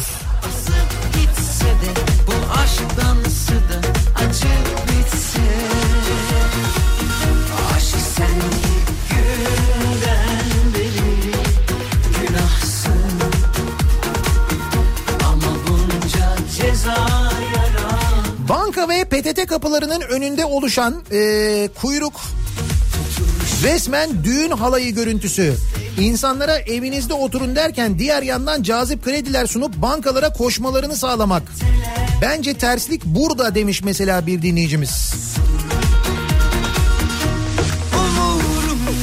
Bence terslik Kadir Topbaş belediye başkanı iken İstanbul Belediyesi'nin Myanmar için para toplayabilmesi ama Ekrem ve Mansur Başkan'ın bizim için para toplayamaması diyor Mesut. Evet Kadir Topbaş'ın belediye başkanlığı döneminde İstanbul Büyükşehir Belediyesi hiç öyle valilikten falan da izin almadan Myanmar için yardım kampanyası düzenlemiş mesela. Bağış kampanyası düzenlemiş. Ya. Tabii Myanmar olunca belki ondan bilmiyorum. Ee, ben, bence terslik Kartal İmam Hatip değil de Kartal Endüstri Meslek Lisesi mezunu olmam. Ah be sizinki çok yakından geçmiş. Çok yakın olmuş o.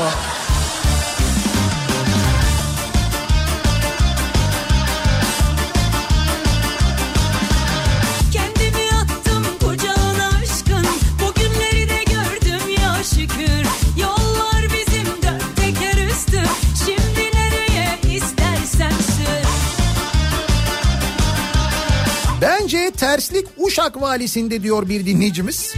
Ya Uşak valisi hanımefendinin görüntüleri var. Ee, sokağa çıkmış ve sokakta böyle insanlara e, çok enteresan bir hitap şekli var. Çok kızmış Uşaklı'nın sokakta olmasına ve böyle yan yana durmalarına falan. Sosyal mesafeyi e, sağlayın diyor ama sosyal mesafeyi sağlayın demiyor. Ya lütfen sosyal mesafeyi sağlayın falan değil. Sosyal mesafe. şşş. Şunları halledin. Çok acayip yalnız biliyor musun? Çok sinirlenmiş belli acayip kızmış yani. Sana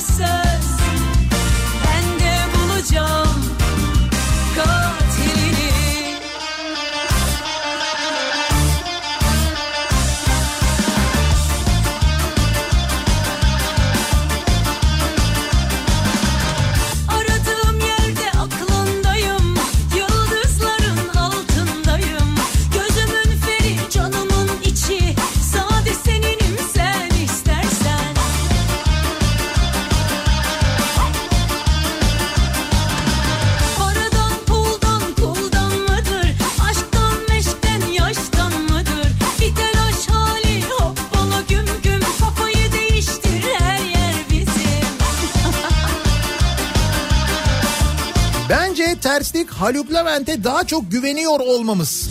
İşte onun için korkuyorum Haluk Levent için onu söylüyorum. Ciddi endişe içindeyim Haluk Levent adına öyle söyleyeyim. Eminim o da endişeleniyordur. Konuşturdun katilimi Benden sana söz Ben de bulacağım Katilini Bence terslik reklamlarda. Şu an bütün millet evde daha fazla radyo dinliyor. Bu kadar az reklam olmaz. Evet bence de burada bir terslik var. Ee, biz de şöyle söyleyeyim taşla çalışmıyoruz. Yani radyolar taş yemiyorlar radyocular. Ee, radyo vericileri de o vericileri taşta çalıştırmıyorlar. Onlar da elektrikle çalışıyor. Ve gerçekten de çok enteresan bir şekilde reklam verenin insanlar radyo dinlemiyorlardır diye böyle bir basit düşüncesi var. Durum öyle değil. Çok net bir şekilde araştırmalarla da dijital verilerle de görülüyor ki insanlar evde şu anda radyo dinliyorlar. Müge Anlı bir yere kadar yani. Hal böyleyken reklam verenin radyodan bu kadar uzaklaşması gerçekten radyoların da geleceği adına ve radyoların da bundan sonra hayatta kalması adına son derece önemli. Ancak maalesef böyle olumsuz bir tavır var. Bizim bir türlü çözemediğimiz ısrarla ve inatla anlattığımız bakın öyle değil aslında durum böyle değil diye anlattım. Çünkü ortada bir gerçek de var aynı zamanda. Biz bir yandan e, bununla da boğuşuyoruz, uğraşıyoruz tabii. Radyolar olarak, radyocular olarak ya. Bir anda suç oldum Heder etti keyfe keder Beni kafesledi kuş oldum Hiç olmazsa Bence terslik minik kelebekten bu yana bir arpa boyu yol almamış olmamız. Yasaklardaki minik kelebeği hatırladınız mı? Minik minik minik kelebek. Hiç olmazsa Sus sakince uçmak ne demek? Demin aktardığım haber var ya penceremde bir dünya var projesi milli eğitimi rahatsız etti. Çocuklar gökkuşağı çiziyorlar ilkokul çocukları. ilkokul çocukları gökkuşağı çiziyorlar. Milli eğitim rahatsız oluyor diyor ki bu bir L- LGBTİ projesidir diyorlar. Onur yürüyüşüne hazırlıkmış bu. Te Allah'ım ya. Arkadaş. Hevesliydim önceden. Saymayı bıraktım. Kaç oldum? Deriye sil savurdu rüzgar Kurunun. Bence terslik bugün 1 Nisan olmasına rağmen kimsenin eşek şakası bile yapacak enerjisinin olmaması. Gerçi şaka gibi olan olaylar da yok değil. Var canım onlardan çok var. Sigara yak bana kor olsun Hiç olmazsa yılda bir gün Bence terslik devlet bir yandan bağış kampanyası yürütürken bürokratların milyonlarca liralık long araçlara binmesidir. Şimdi 17 bin kişi 100 lira bağışlasa bir Audi alabiliyoruz. 52 bin kişi 100 lira bağışlasa bir Maybach alabiliyoruz. 4 milyon kişi 100 lira bağışlasa bir VIP 747 alabiliyoruz. Demek ki 100 lira bağışlamayacağız. Daha yüksek olacak. beni al bir karanfil tak Benden olsun bir sigara yap Bana kor olsun Hiç olmazsa yılda bir gün An beni al bir Bence terslik bugün isyan ettikleri her şeyde dün imzası olanlardan medet ummaktır. Partideyken sesleri çıkmıyor, ayrılmak zorunda kaldıklarında ya da kovulduklarında isyan edip söyleniyorlar. Hepiniz oradaydınız diye hatırlatıyor bir dinleyicimiz. Evet bugün bu işte bir terslik var diyen Ahmet Davutoğlu'nun zamanında kaynak halkımız halkımız dediğini bu arada halkımızın da kendisini alkışladığını yalnız. Hatırlıyoruz evet.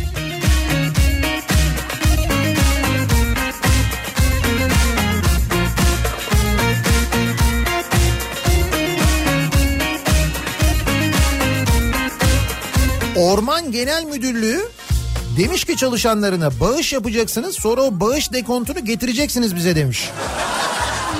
Bağış ama. Vay arkadaş. İstiyorsan götürmeyebilirsin dekontu yaptım dersin. Orada da yazarlar isminin yanına derler ki dekontu getirmedi. Ya fazla öyle tamam Kendi kendimle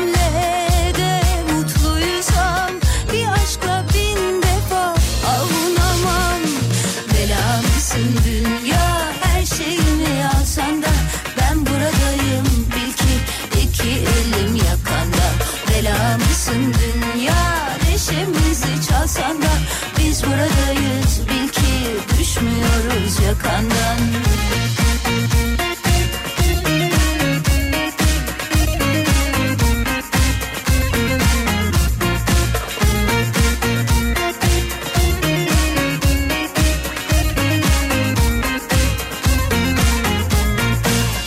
Nihat'cığım sen reklamları kafana takma. Bir IBAN ver. De mi öyle bir şey yapsak aslında acaba ya? He? Bir IBAN da biz verelim ne olur. Nasıl olsa bu aralar IBAN'lar havada uçuşuyor. Öyle şey olur mu canım? Biz çalışıyoruz. Hak edip kazanmak istiyoruz. Niye öyle bağış olsun? Ne eksik ne fazla öyle tamam kendi kendimle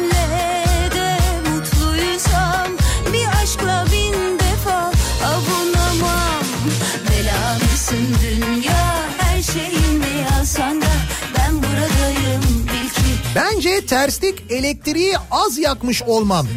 Öteleme yerine az yakmaktan dolayı geri dönüp fatura çıkarılması bana diyor İzmir'den Önay. Bak bir daha söylüyorum e, elektrik şirketleri ve doğalgaz şirketleri dağıtım şirketleri Mart ve Nisan ayında kimseye fatura göndermesinler. Bu faturaları sonra Temmuz, Ağustos ve Eylül'e ya da Haziran, Temmuz ve Ağustos'a yaysınlar, bölüştürsünler. Olmaz mı? Faiz uygulamasınlar ama. Öyle şimdi onlar da taşın altına elini koymasınlar mı? Bu özelleştirme işini alanlar yerli ve milli değil mi? Öyleler yerli ve milli şirketler yapıyorlar e, dağıtım işini. Doğalgaz dağıtım işini de onlar yapıyorlar. Elektrik dağıtım işini de onlar yapıyorlar. Yapsalar ya öyle bir şey.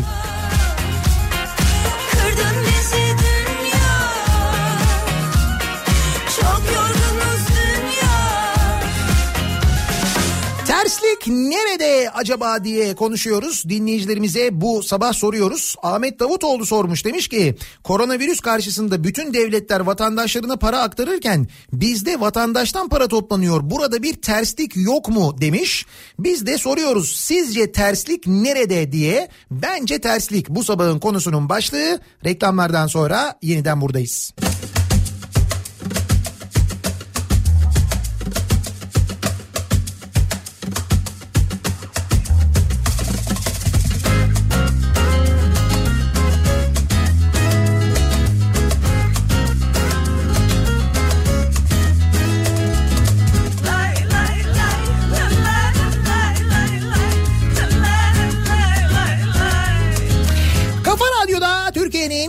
Kafa radyosunda devam ediyor. Daiki'nin sunduğu Nihat'la muhabbet. Ben Nihat Sırdar'la.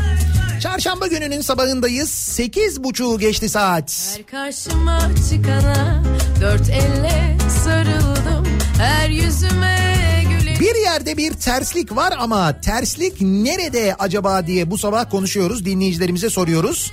Bence terslik bu sabahın konusu. Bu tersliğe dikkat çeken de eski başbakan Ahmet Davutoğlu.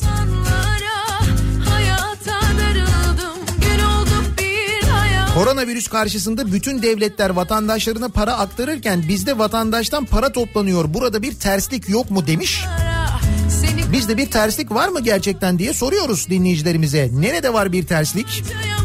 Sevgimi aşktan korkanlara Seni kaybettim ama kendimi kazandım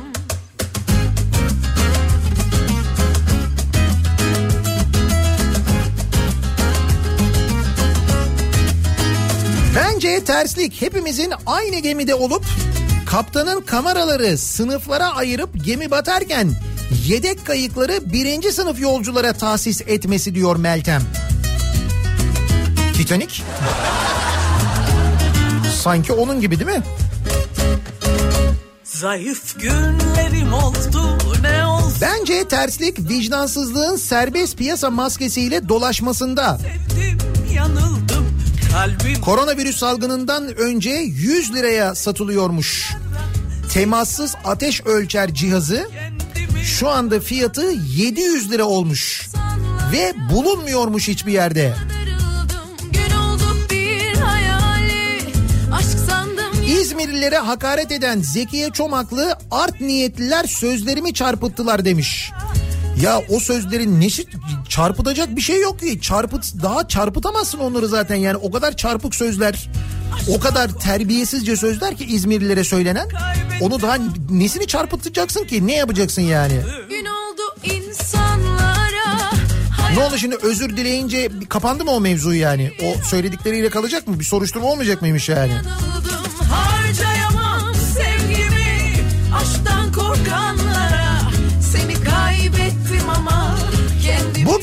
1 Nisan aylar öncesinden öğrencilerimi bana sulu şakalar yapmamaları konusunda uyarmıştım diyor. Bir öğretmen dinleyicimiz İpek öğretmen göndermiş. Şimdi online derste onları biraz tebessüm ettirecek sulu şakalar arayışındayım. Bence terslik var bu işte. Öğretmenler çok yazıyorlar. Ee, işte çok şikayet ederdik gürültü yapmalarından, yaramazlıklarından ama burnumuzda tütüyor öğrencilerimiz okulumuz diyorlar. Öğretmenlerden böyle mesajlar geliyor. Bak zaman geçiyor durmadan Ne olur sen de vurma özlem ortadan İlaç yok merhem yok acı tavan Bak zaman geçiyor durmadan Ne olur Bence terslik tünelin sonundakini umut zannetmemiz oldu. Ama bir türlü çözemedik o tünelin sonundakinin gerçekten ne olduğunu. Bayrampaşa Mahmut Bey yönünde bir kaza varmış. Kamyonet yan yatmış diyor bir dinleyicimiz. Öyle mi? kelimesi yok Evet Bayrampaşa Sağmacılar Viyadüğü yönünde bir zincirleme trafik kazası olduğu söyleniyor. Yani bu trafik trafiksizlikte bu kazayı yapmayı başaran arkadaşları kutluyorum.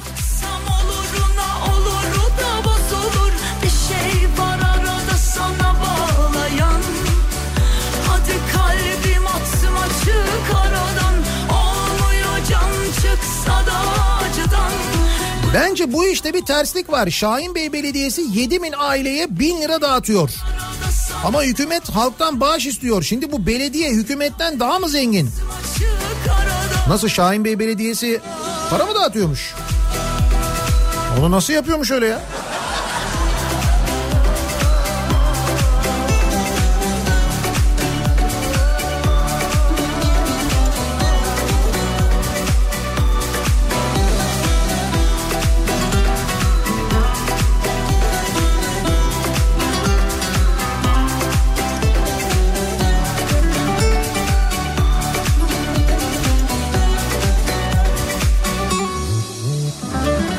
Bence terslik gece gündüz haber yapan sayın medyamızın hastanenin önünden canlı yayın yapmaması.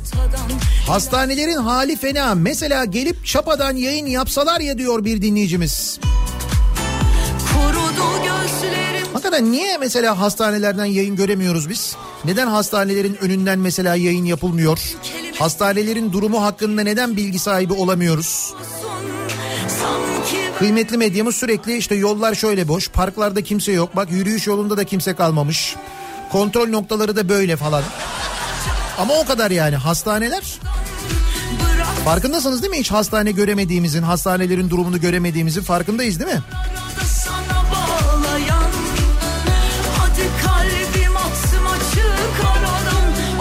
Türkmenistan'da koronavirüs sözcüğünü kullanmak yasaklanmış. Yani buna da şükür. Bence terslik bu yasağın da bizde olmaması demiş bir dinleyicimiz. Artık o kadar değil canım.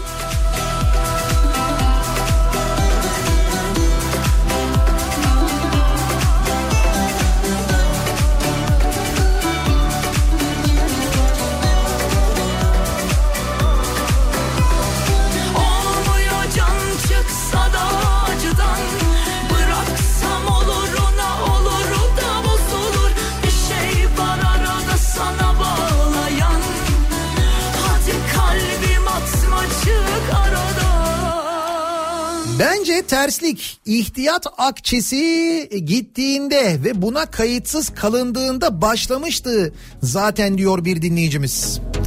Bu ihtiyat akçesi tartışmalarını hatırlıyorsunuz değil mi? Bütçeye aktarılırken yapmayın etmeyin diyenlere neler söylendiğini hatırlıyorsunuz değil mi? Meğer o ihtiyat akçesi gerçekten de ihtiyatlı olmak için orada duruyormuş. Böyle günler için lazımmış aslında. Sevda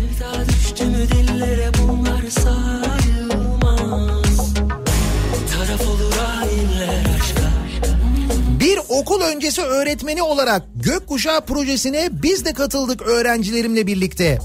Evde kalmak zorunda olan çocuklarımın umutları olsun diye renklerin dili, ırkı, cinsiyeti olmaz diye öğretiyoruz. Şu hastalıklı düşüncelerini çocuklarımızın üzerinden çeksinler diyor Ayşegül öğretmen göndermiş. Neymiş bu e, gökkuşağı projesi yani çocuklar gökkuşağı çiziyorlar o gökkuşağı LGBT'nin sembolüymüş. Kafa çünkü öyle çalışıyor yani hani ilkokul milkokul falan anlatamıyorsun adama hiç.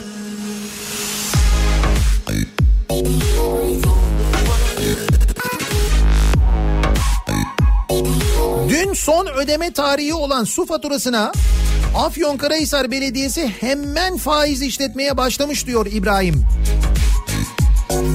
Biz de diyoruz ki işte e, hiç fatura kesmesinler bu faturaları mesela e, Haziran, Temmuz, Ağustos aylarına yaysınlar böyle bir şey yapsalar ne güzel olur falan diyoruz değil mi? Kendi kendimize böyle şeyler söylüyoruz. Pek bir romantiyiz aslında biliyor musun? Masumuz, çok şekeriz, ciciyiz. kayboldum Gecenin ayasında kor gibi yanıp İstanbul'dayım. Dün okumuşlar Üsküdar'da 200 lira geldi doğalgaz. Bir gün bile kaybolmadı. Bu arada doğalgaz faturaları gelmeye başlamış. Mart doğalgaz faturaları öyle mi? Abi dur daha Mart bitmedi ya.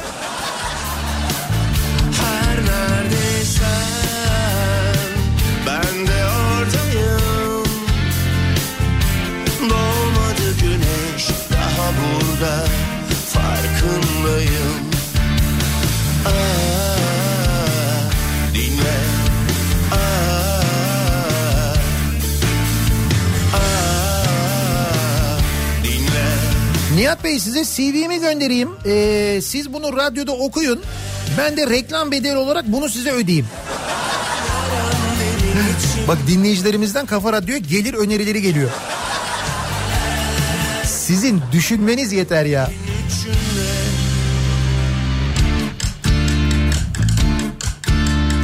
Kurda kuşa yem oldum Hiç yokmuşum gibi unutuldum Yıldızları sayarken Aşka inanıp mecnun oldum Özleminde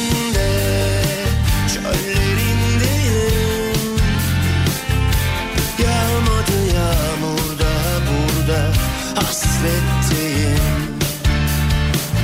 her kimle sen Bil ki yalnızım Sarmadı beni yabancı kollar Peşindeyim dinle Bence terslik. Kendi vatandaşına lazım olan tıbbi malzemeleri uçaklarla, gemilerle İspanya'ya, İtalya'ya, Irak'a, Bulgaristan'a bağışlarken kendi halkından para istemektir diyor Serkan. Biz gerçekten şu anda bağış yapabilecek yani başka ülkelere böyle yardım yapabilecek durumda mıyız? E bizde ben bakıyorum devlet hastanelerinde tonlarca eksik var. Sağlık malzemesi eksiği var, koruyucu malzeme eksiği var, ilaç eksiği var. Yani biz bu kadar eksik içindeyken nasıl oluyor da bu yardımları yapıyoruz? İspanya'ya mesela yardım yapıyoruz. Enteresan. Ne söylesem nafile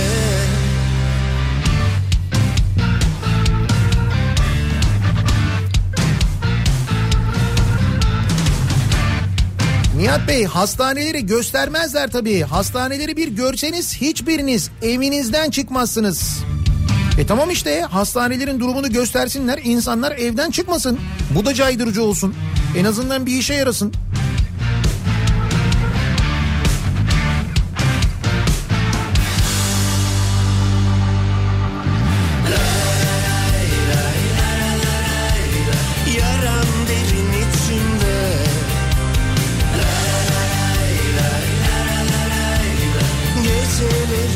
Terslik. Evde hayat var deseler de evde kalamamak, çalışmak zorunda olmak. Gümrüklerde işler devam ediyor. Evet çalışmak zorunda olan sektörler var. Başta sağlık çalışanları onları biliyoruz. Gümrükçüler çalışıyorlar, lojistik sektöründe çalışanlar, market çalışanları, fırınlar, marketler, bu marketlere mal götürenler, getirenler. İşte bizim gibi medya çalışanları çalışıyoruz. Dinle Yine algı hep algı diyorlar. Bence terslik burada. Abdülkadir Selvi bizde bir sokağa çıkma yasağı lobisi oluştu demiş. lobisi mi? Şimdi ne olacak mesela sokağa çıkma yasağı olunca kim ne kazanacak diye düşünüyor çok merak ediyorum ben. Kaldı ki sokağa çıkma yasağı dediğin şeyde şöyle bir durum oluyor. Bunu başka ülkelerde yaptılar. Nitekim bu yasağı ya da bu uygulamayı en iyi şekilde uygulayan e, ülkelerde hastalık kontrol altına alındı, alınabildi. O kurallara uyan insanlar yaptılar bunu. Elbette alışveriş için, ekmek almak için markete gideceksin, geleceksin ama bu kadar işte. Böyle bir kısıtlı sokağa çıkma yasağından bahsediliyor. Bak ne diyor bilim kurulu üyesi diyor ki bilim insanı bilim kurulu üyesi diyor ki bazı şehirlerde diyor işin diyor suyu çıktı gerçekten çok fena. Oralarda muhakkak sokağa çıkma yasağı ilan etmek lazım diyor. Bilim kurulu üyesi söylüyor bunu. Bilim kurulu üyesi olmayan kuvvetle muhtemel hiçbir kurulun üyesi olmayan Abdülkadir Selvi ne diyor? Sokağa çıkma yasağı lobisi oluştu diyor. Hay sizin lobinize algınıza arkadaş. Her şey lobi her şey algı yani değil mi? Ya burada insan hayatı söz konusu ya. Daha önemli bir şey var mı?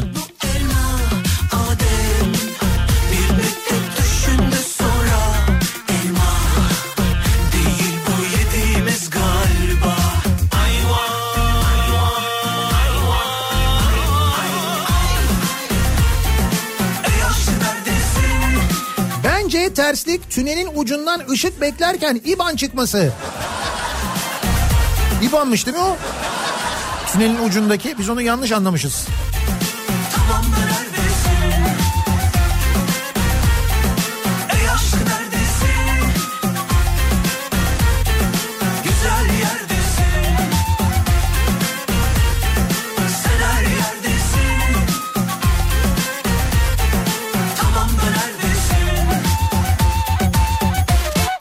Bence terslik anayasamızda olabilir. Layık, demokratik, hukuk devleti falan yazıyor halen. Bu arada ben Danimarkalıyım yanlış anlaşılma olmasın. Danimarka'nın anayasasında böyle bir şey yazıyor halen öyle mi? Halbuki emeklilik sisteminin çöktüğünü biliyoruz. Danimarka'nın ilginç. Bak dizi dizi soruyorsunuz ya. Danimarka demişken aklıma geldi. Bulun bir yerlerden Borgen'i izleyin. Borgen. Borgen diye bir dizi var. Bir Danimarka dizisi. Bir izleyin bakalım. Sonra izledikten sonra da bana fikrinizi yazın ama. Ne düşünüyorsunuz merak ediyorum.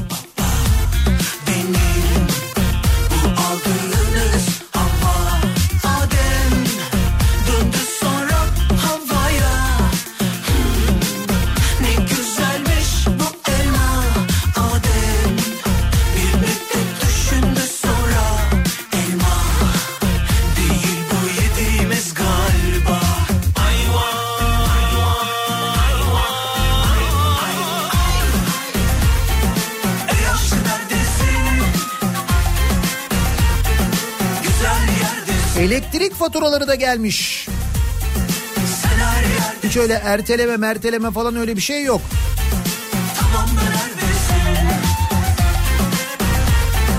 Bir kere de şu inşaatta çalışanları, onlara malzeme götürenleri, onları da konuşun diyor Didim'den Gürhan. Ben de bunu anlamıyorum arkadaş. İnşaat neymiş ya? Yani hani hastane inşaatını anlarım da. Ya böyle site inşaatı, rezidans inşaatı, bu inşaatta çalışmak için insanları hala dışarı çıkarmak, o kalabalık yemekhanelerde insanları bir arada yemek yedirmek falan.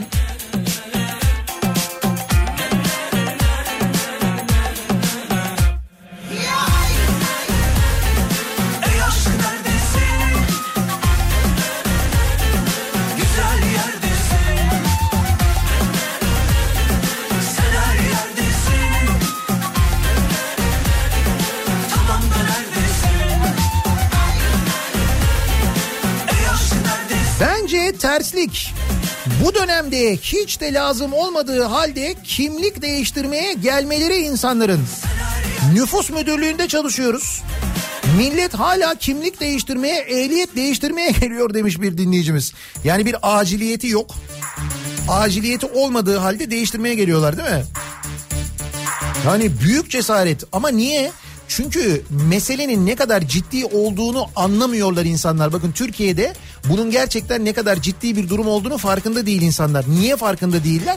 İşte az önce anlattığım sebepten dolayı farkında değiller. Bu haber kanallarında sürekli boş parklar gösteriliyor. Sürekli meydanlar gösteriliyor. Sürekli işte sokaklar şöyle boşaldı bilmem ne oldu falan. Ya bir gösterseniz hastaneleri. Hastanelerin durumunu bir görelim biz. Mezarlıkların durumunu bir görelim biz. İnsanlar bunu görmezse tehlikenin ne kadar büyük olduğunun farkına varmazlarsa o zaman böyle hiç lüzumu yokken çıkıp evlerinden nüfus müdürlüğüne gidip kimlik değiştirmek için uğraşırlar işte. Ama işte ben de tabii medya diyorum hangi medyadan bahsediyorsam.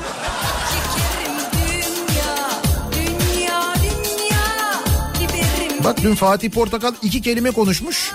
Yine sosyal medyada bölücü Fatih Portakal bilmem ne Fatih Portakal neler neler.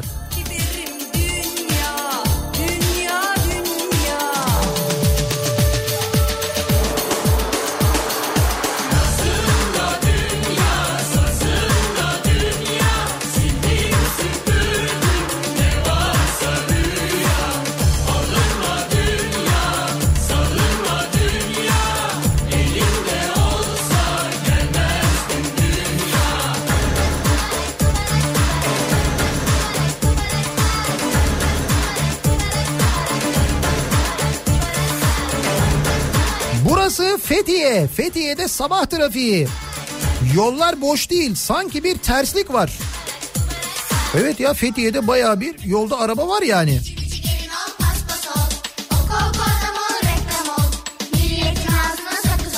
Abi günaydın. Kafa Radyo olarak iki gün A Habercilik oynayın. Bak nasıl geliyor reklam. He, bir de öyle bir sıkıntı var değil mi?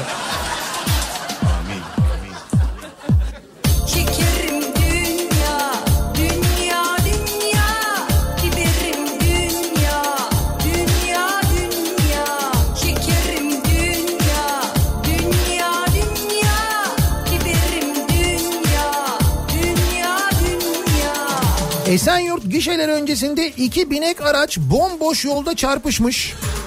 Hasarları da büyük hatta aracın biri yolun gidiş yönünün tersine dönmüş. Bu kazada bir terslik var diyor Emrah. Yani arkadaş gerçekten ben bu kadar boş trafikte nasıl nasıl yapıyorsunuz?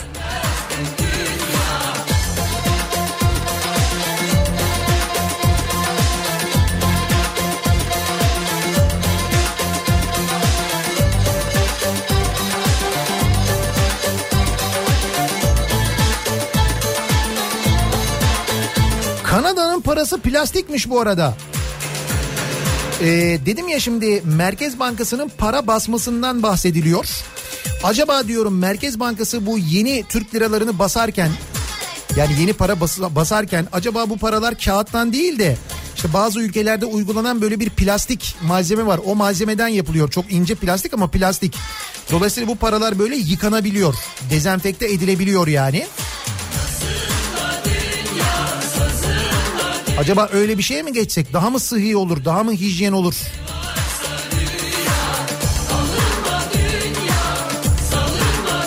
Ha, Bir şey değil zaten parayı alacağız hemen vereceğiz geri ama olsun bizde kaldığı müddetçe en azından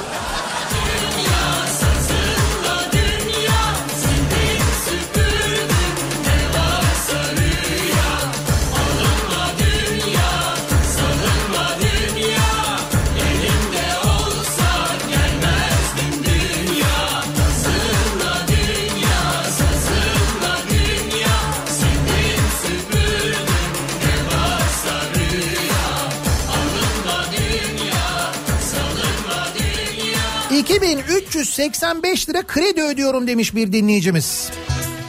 3 aylık kredim 7155 lira yapıyor. Erteleme talebimden sonra gelen faiz 3702 lira. Sadece 3 aylık ertelemeye bu faiz işleniyor. Hani bankaya erteleme talebinde bulunuyoruz ama banka erteleyince 3 aylık toplam 7155 lira krediye 3702 lira faiz mi işliyorlar? Erteleyince bu nasıl bir şey ya? Şimdi burada terslik kimde diye sormuş İzmir'den Ulaş. Hangi bankaymış bu? Ne varsa sildik her şeyi E ne oldu şimdi? Ertelenince iyilik mi yapılmış oldu? Böyle mi iyilik yapılıyor yani insanlara? Başarırız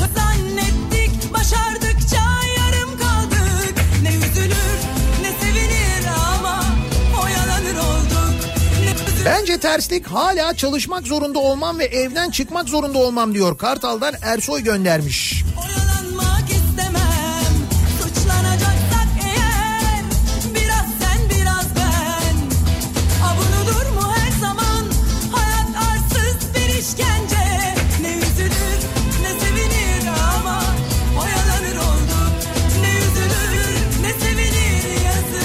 Şu Bayrampaşa Mahmut Bey yönündeki kaza sebebiyle o bölgede bayağı fena bir trafik oluşmuş vaziyette söyleyelim. Orada da bir trafik kazası yapmayı başarmış arkadaşlar kutluyoruz. Bay, şeyden Bayrampaşa'dan Vatan Caddesi'nden Mahmut Bey yönüne.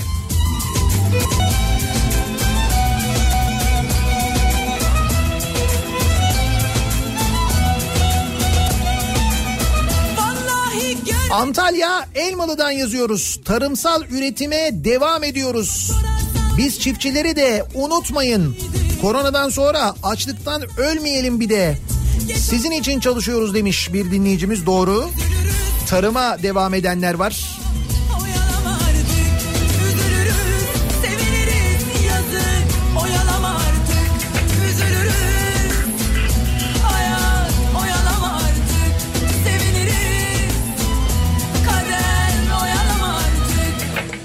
Çiftçiler de eğer çalışmasalar ne olur bizim halimiz ki tarımın durumu ortadayken hal böyleyken onlar tarlalarını ekmeye devam ediyorlar ki şu anda da tam ekim zamanı aslında. Ne kadar mühim. Bizi dinleyen tüm çiftçileri, tarım için emek veren herkesi buradan selamlıyoruz. Böyle günlerde bu günlerin sonrası için çalışmaya devam ediyorlar. Onları da kutluyoruz, tebrik ediyoruz. Ve yayınımızın sonuna geliyoruz. Birazdan Kripto Odası programı başlayacak. Güçlü Mete Türkiye'nin ve dünyanın gündemini son gelişmeleri sizlere aktaracak. Bu akşam 18 haberlerinden sonra eve dönüş yolunda ben yeniden bu mikrofondayım. Tekrar görüşünceye dek hoşçakalın.